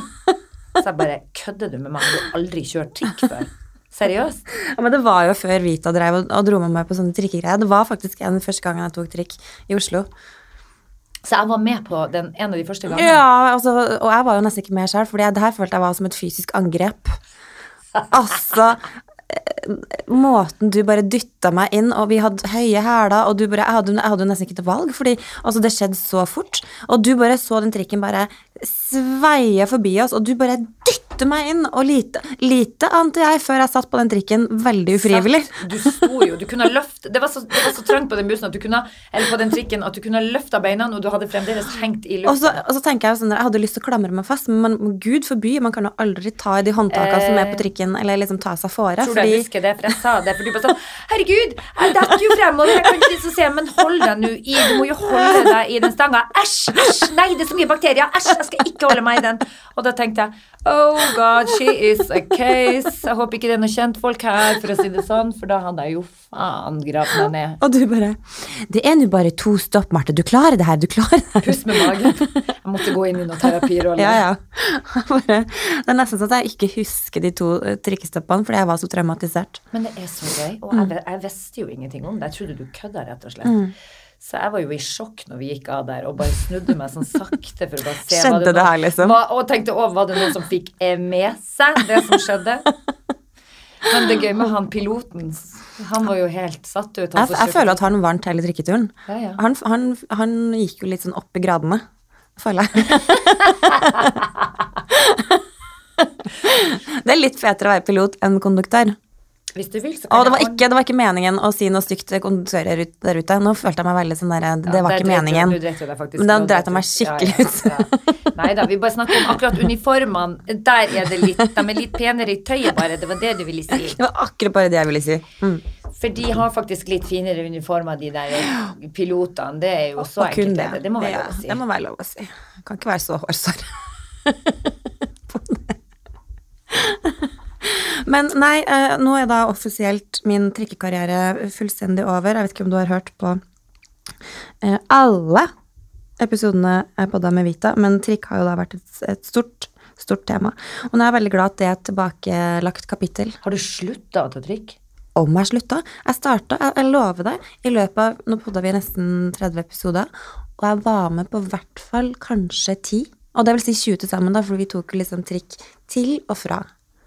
Og du aner ikke hvor mye nes mange nestenulykker vi havner borti. Hva er oddsen for at et menneske setter seg på en trikk ti ganger i løpet av sitt liv, og tre av de så skjer det en trikkulykke? Men det er sikkert fordi at du er veldig bevisst på det. Tror du ikke det? Eller kanskje det var skikkelig bare tenker... uflaks? Nå jeg tenker meg om. Ofte, ofte så er det litt sånn derre The secret, what you put out there is what you get. Ja. Jeg kan jo tenke at hvis man på en måte ser for seg at man skal komme i en trikkeulykke, så skjer det. Men da skal jeg faen meg begynne å Det er ganske mange ganger jeg har sagt at jeg har lyst til å vinne i Lotto. Har faen ikke skjedd ennå. Nei. Men så er det sånn når jeg gikk og hadde det der nakkesmerten som da stråla opp i hodet, hvor det ble noe lammelse og noe nummenhet på venstre side av ansiktet. Jeg tenkte jo, hva i svarte er det som skjer oppi hodet her nå? Har jeg fått noe svulst? Har jeg fått noe Og da står det jo på alle jævla forsiden av både VG og på ditt og datt, så dukker det opp når jeg står på Rema eksempel, skal handle. Signalene på farlig hodepine, svulst, sånn og sånn, tut, du. tut. Og så måtte jeg bare si til mannen min, hvorfor i Vet du hva, nå er det sånn, jeg, kunne, jeg satt på legekontoret og venta. Der også. Se og hør. Selvfølgelig en case der det står om at hodepinene var Migrenen en- viste seg å være, videre Men det er jo opplyst og vedtatt at man må aldri finne på å google symptomer. nei, nei, og det gjør jeg ikke, men dette bare var in my face. Ja. Så jeg tror det handler om at når du først er veldig, når du tenker veldig mye på at du er redd for noen ting, eller sånn som du sier da, dette med trikken og redd for at man skal krasje eller kjøre på noen, eller så, så det er klart at uh, da skjer det jo kanskje oftere enn hvis du hadde hatt litt mer hvilepuls på ting og bare ikke Men tror du ikke det skjer litt sånn med alderen da? For jeg merker bare Apropos, i dag tidlig så uh, sto jeg på badet og føna håret mitt, ante fred og ingen fare, og så kjente jeg et lite stikk i tissen min. Oi, interessant. På min høyre side. Og da tenker jeg umiddelbart her er det fare på ferde. Og jeg får, jeg får lyst til å ringe legen og bare Du, nå kjente jeg et lite stikk i tissen min. Hvor mye kreft har jeg? Men du kan, kan ikke være urininfeksjon eller eh, eggløsning, eller har du gått gjennom de mulighetene først? Nei, jeg går rett på kreft. Ja, men det bruker jeg å gjøre, dessverre. Og det er jo fordi at man er redd for å dø. Og man eh, tar jeg også skal, Nå skal ikke jeg, for jeg er veldig god til å være jeg kommer med visdomsord til andre, men jeg er jo livredd sjøl og eh, krisemaksimerer det meste. Og ungene mine på legevakta Altså, Kristian sa nå, eh, når vi fikk den siste ungen, så sa han til meg Baby, la oss prøve å være litt mindre på legevakta med denne siste.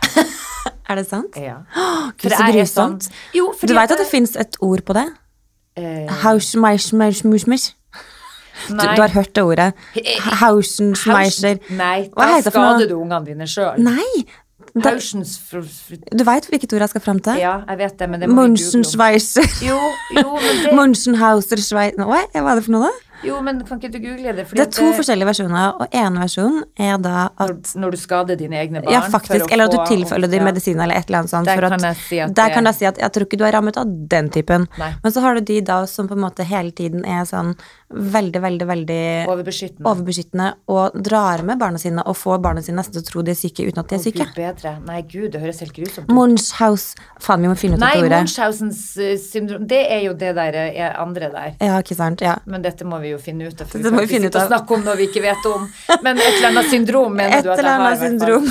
Nei, men eh, jeg er jo eh, Det er jo noe med å krisemaksimere, men der igjen så tenker jeg jo at eh, det er ikke det at jeg går rundt og altså, men, men jeg er sånn som vet eh, Jeg kjenner ungene mine så godt at jeg vet sånn Ok, hvis man hadde hatt feber i to dager, vondt i halsen, så går ikke jeg og tenker sånn Og så blir de bedre et, på tredje dagen. Jeg tenker alltid at de har alltid halsbetennelse. Streptokokkhals hvor de må få antibiotika for at dette skal gå vekk. Sånn har det vært eh, med mine unger. For vi er sånn hals... Eh, vi har, jeg har sånne halsbarn. Eh, men nå er de jo mye, mye strengere på å gi disse antibiotikakurene, noe som er selvfølgelig veldig bra. Så da drøyer de den jo lenger, og vil jo at kroppen skal klare å lege seg sjøl. Men, eh, men eh, jeg er jo hun der som eh, er litt lik deg da der, sikkert. At eh, man krisemaksimerer litt. Men jeg gjør ikke det sånn generelt med meg sjøl, ish. Men eh, jo, jeg Jeg gjør det. omvendt. Jo, Jeg tror jeg det. gjør det med meg selv, men jeg gjør det ikke med barna mine. Er det sant? Ja. Men nå har jeg vært veldig, veldig, veldig, veldig heldig med at barna mine har vært veldig lite syke. Bank i bordet. Bank i bordet.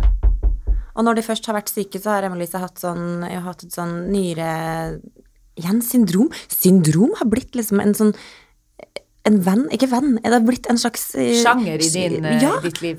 et eller annet. Det, det, akkurat når jeg sa det nå, så Ja. føler jeg at det her eh, Jeg skal bli et syndromløst menneske. Ja. Det skal jeg gå inn for i, i, Nye, det nye året. i 2019. Men eh, nei, hun hadde et sånn nyresyndrom der hun våkna en morgen og bare var Ansiktet hennes var helt sånn som en ballong. Herre min. Og da var jeg høygravid med Olivia, og da hadde jeg kasta opp altså Da jeg tror jeg var i syvende måned eller noe sånt. Og da hadde jeg kasta opp 20 ganger i døgnet i de syv månedene. Jeg var altså rundt på krykka, hadde bekkenløsning. Magnus var i London. Mine foreldre var bortreist. Foreldrene til Magnus var bortreist. Og jeg står der og kaster opp, og Emma-Lise kommer inn på badet og bare eh, mamma, jeg, jeg klarer ikke å, å se mitt eget ansikt. Og jeg ser på den lille skapningen helt Ansiktet Oh var så oppblåst at øynene Hun hadde liksom ikke øyeglipp engang. Nei. Og jeg, det rakna for meg, liksom. Ja. For da tenker man jo Da tenkte jeg det verste, fordi mine barn er veldig sjelden sånn Veldig sånn Du vet sånn ørehalsbarn og sånn. Mine har liksom aldri vært der. Um, men da fikk jeg helt panikk. Så ringte jeg til en venninne og bare 'Herregud, jeg aner ikke hva jeg skal gjøre.' Og bare sånn 'Du må bare komme deg på Ullevål.' Og jeg bare 'Hvordan skal jeg komme meg på Ullevål? Jeg kaster opp, jeg klarer ikke å kjøre bil, jeg har krykka.' Men jeg, nå husker jeg ikke helt hvordan jeg kom meg dit, da. men jeg kom meg i hvert fall dit, og så kom de dit. Eh, Og heldigvis fant du ut ganske fort at du hadde et uh, nyresyndrom som het så mye som for um, eh, Hva sa de at du hadde fått? så kom vi da på, på sykehuset, og da var jeg sånn herre Å, herregud, shit, hva skjer nå? Jeg så for meg kanskje et liv framover med et barn med, med, med sykehus. Altså, jeg bare fikk lukta av sykehus med en gang og bare så for meg at gud, er det her livet vårt framover? At, at Emily-Lise Stakar skal få et sykehusliv? Jeg vet ikke hvorfor jeg gikk så Jo, men det jo, så jo dramatisk ut, da. Ja, det var, det var litt dramatisk. Men da hadde hun, hva var det hun hadde fått? Nefrotisk syndrom. Som da er Det er vel egentlig at uh, nyrene på en måte slutter å fungere sånn som de skal, da. Og hvis de blir behandla, så, så er det veldig bra prognoser på det. Men hvis de ikke blir behandla, så kan man utvikle veldig sånn alvorlig nyresvikt. Og heldigvis oppdager vi så fort, så det gikk jo kjempefint. Men, eh, men Og frisk nå. Ja, helt frisk. Ja. Men vanligvis så sier man at har man først fått det en gang, så kan man få tilbake ofte før man liksom blir sånn 10-11 år. Så vi har litt sånn, jeg merker at jeg fremdeles eh, Har litt eh, går med litt ja. sånn høye skuldre og tenker på hva om vi får det tilbake igjen, fordi behandlinga er ganske heavy, masse kortison, og da mm, veldig sånn hestemengder med kortison gjør jo at du får veldig, veldig mye kjipe bivirkninger som ikke er spesielt kule. Men uansett, det gikk kjempebra. Men da skjønner ikke jeg, fordi at hvis du har opplevd en sånn dramatisk ting, så hadde jeg jo i hvert fall hatt høye skuldre hele tida på. Men du har klart å senke dem ganske greit da, i og med at du, ikke, at du klarer å ikke krisemaksimere.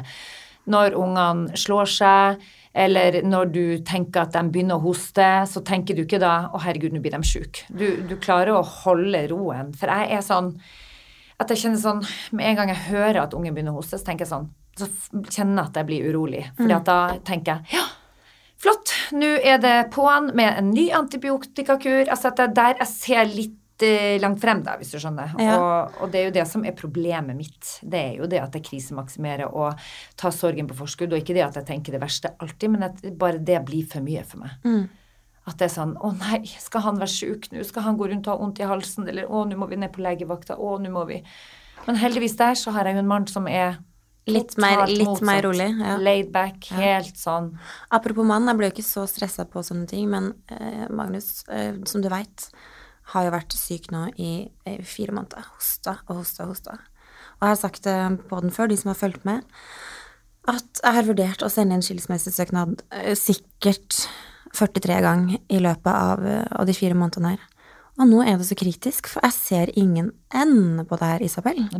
Når skal den mannen slutte å hoste? Og jeg forstår jo at han ikke ønsker å hoste, men hjernen min forstår jo ikke det. Da Jeg klikker jo på lyd, ikke sant? Mm.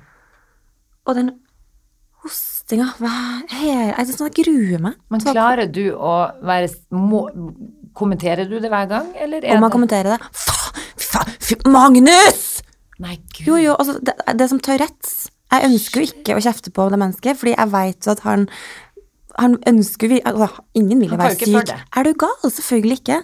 Og han stakkar, han, du ser at det klør i halsen, og han bare sitter sånn Og så prøver han liksom å gå på et annet rom, eller et eller annet sånt, fordi jeg bare er for gift i blikket og bare Kan ikke du kjøpe de der Sony-headsettet som utestenger lyd, og så bare går du med dem? men, men, men jeg har jo begynt et sånn lyd Sånn ordentlig lydterapeut nå. Ja, det må du. Som, som er litt sånn interesting. Så i, natt, eller de siste nettene så har jeg sovet med en sånn derre Jeg starta på et senter som heter Hør, på Byporten, til en audiograf.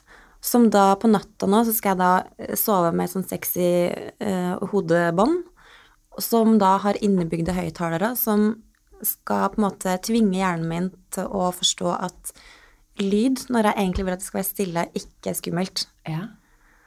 Så, så i, i hele natt da, så har jeg hørt på eh, Rainforest. Kjempedeilig. Men klarer du å sove? Litt å høre på den seriøst hele natta. Slår det seg Hele ikke av? Guri meg, så spennende. Ja. Så den holdt på Men den, forstyrrer det ikke søvnen? Nei, gud, altså, Drømmene dine? Nei, men jeg hadde så fin natt i natt. Jeg syns det var helt magisk. Wow. Fordi vanligvis så har jeg de klamme øreproppene, som egentlig er litt sånn vonde å ha i ørene. Mens nå kunne jeg bare forestille meg at jeg var, lå ute i en rainforest og bare mm, Og ingen sånne derre snorkende, pustende Eller Magnus Gaten, han snorker faktisk ikke, men, men han puster, det gjør han jo. Og det irriterer meg. Det er jo viktig at han får lov å puste. Ja. Er, det så, er det ikke så mye igjen av han, for å si det sånn? Så, men, øh, men da den Rainforest var jo helt magisk å høre på. Og i morges så tenkte jeg bare sånn, jeg våkna litt tidlig av katten min som plutselig snodde seg rundt halsen min, Bella. Og så tenkte jeg nei, faen, nå er jeg litt lei av den Rainforest. Og nå er det jo morgen, så kanskje jeg skal skru på eh, Det var en sånn morgen eh, Perfect morning eller et eller annet sånt. Med fuglekvitter. Men har du fuglekvitter mens du går rundt og snakker til ungene? Nei, nei, nei, det var før ungene hadde stått Å, ja. opp. Ja, ja. Det ble mamma er- går rundt i jungelen her nå. Skal dere, hva dere skal på maten? Men det som var så irriterende med den fuglekvitringa, var jo at de Jeg vet ikke hvilken app det her var, men de har jo tydeligvis glemt å, å inkludere flere birds. Det var bare én samme bird som sa sånn oh, ja. Og så var det ikke noe sånn det- annen lyd. Og så, ja men det Da ble jeg litt irriterende. Jo, men det er sikkert for at det skal trigge, for det, er, det hørtes ja, ut som det litt psykisk var terror, det vellykka det var vellykka trigging. Den Så jeg bare fuck you, bird. Ja. Jeg går tilbake til Rainforest. Ja, men det, det er sikkert Tror du ikke det er en mening med det? At den skal irritere deg litt, den lyden? Nei, den, det, her, det her var faktisk ikke eksponeringsterapi. Det her skulle jo faktisk være litt sånn soothing. Oh, Men, men birds er tydeligvis ikke jeg går for Rainforest. Herre min. Så det her blir, men det her har jeg lyst til at vi skal gjøre en episode på, fordi når eh, jeg snakka om det før, så har jeg blitt nedringt av Ja. folk som tydeligvis har det litt sånn som meg, da. Ja. Misofoni, angst for lyd. Og det høres ut som et totalt ubrukelig menneske Det høres ut som et totalt vrak. Ja, jeg gjør jo det. Ja. Er det rart? Altså, jeg jeg syns det er veldig rart at jeg klarer å Men det er egentlig mange som har den lidelsen, og det må Ja. vi ikke glemme. Nei. Jeg tror faktisk at jeg har den litt, hvis du skjønner. Hvis jeg kan si det. Men har du sett deg selv tygge tyggis, Isabel? Eh, ja, jeg har jo det. Har du, sett, har du hørt deg selv tygge tyggis? Nei, men sist jeg gjorde det, så sa du eh, seriøst, Isabel, eh, nå er det like før jeg må velge mellom vennskapet vårt og den eh, tyggisen. At du må velge mellom den tyggisen og vennskapet vårt. Men mora mi slafser og tygger, og hun holder det gående. Og det har irritert meg i alle år. Jeg bare tenker sånn, ikke faen om hun skal få en eh, tyggis eh, når vi er sammen. Fordi at hun altså tygger så at det er Så jeg har nok arva det, og det er jo sjukt at man arver ting man bare tenker sånn Sånn det. vil ikke jeg. Ja. ja, for pappa har jo sånn lydangst, også, så jeg har også liksom lært meg det, da. Ja, ja. Og det, er, det har jeg jo hørt om, faktisk. Hvordan eh, den misofonien kan utvikles. Det er jo også hvis du kommer fra et hjem hvor eh, det er andre som er vare for lyder, og driver og kommenterer det. Ja. Og så han derre Magnus, stakkars, han kommer jo kanskje til å utvikle det. Hele familien, de kommer til å utvikle det. Det er så grusomt. Uff, men um, Men det er faktisk det fine med å ha en podkast, at man faktisk blir litt mer bevisst på hvor fucked up man er. Fordi når man snakker høyt om det, så blir man litt sånn der, man får litt sånn derre Å, faen, er det, står, det, står det sånn til? ja, ja, ja. Er jeg dette mennesket? Og det, sammen når vi snakker om det her med syke barn um, Hver gang Kristian liksom prøver å roe meg ned hvis det er Ikke sant? Ja, eller, eller at jeg sjøl er sjuk og har gått rundt og hatt disse smertene i hodet og sånn, som er utrolig ubehagelige smerter, hvor du kjenner at det er trøkk bak øyet. Altså, du vet, man har ikke lyst til at noe skal skje med hodet. Man går rundt og bare tenker Hva i faen er den sjuke følelsen der, ikke sant? Og først så tenker jeg, er det innbilning? For noen ganger tenker jeg, er jeg så gal? Er jeg så hypokonder at jeg går rundt og kjenner ting, liksom?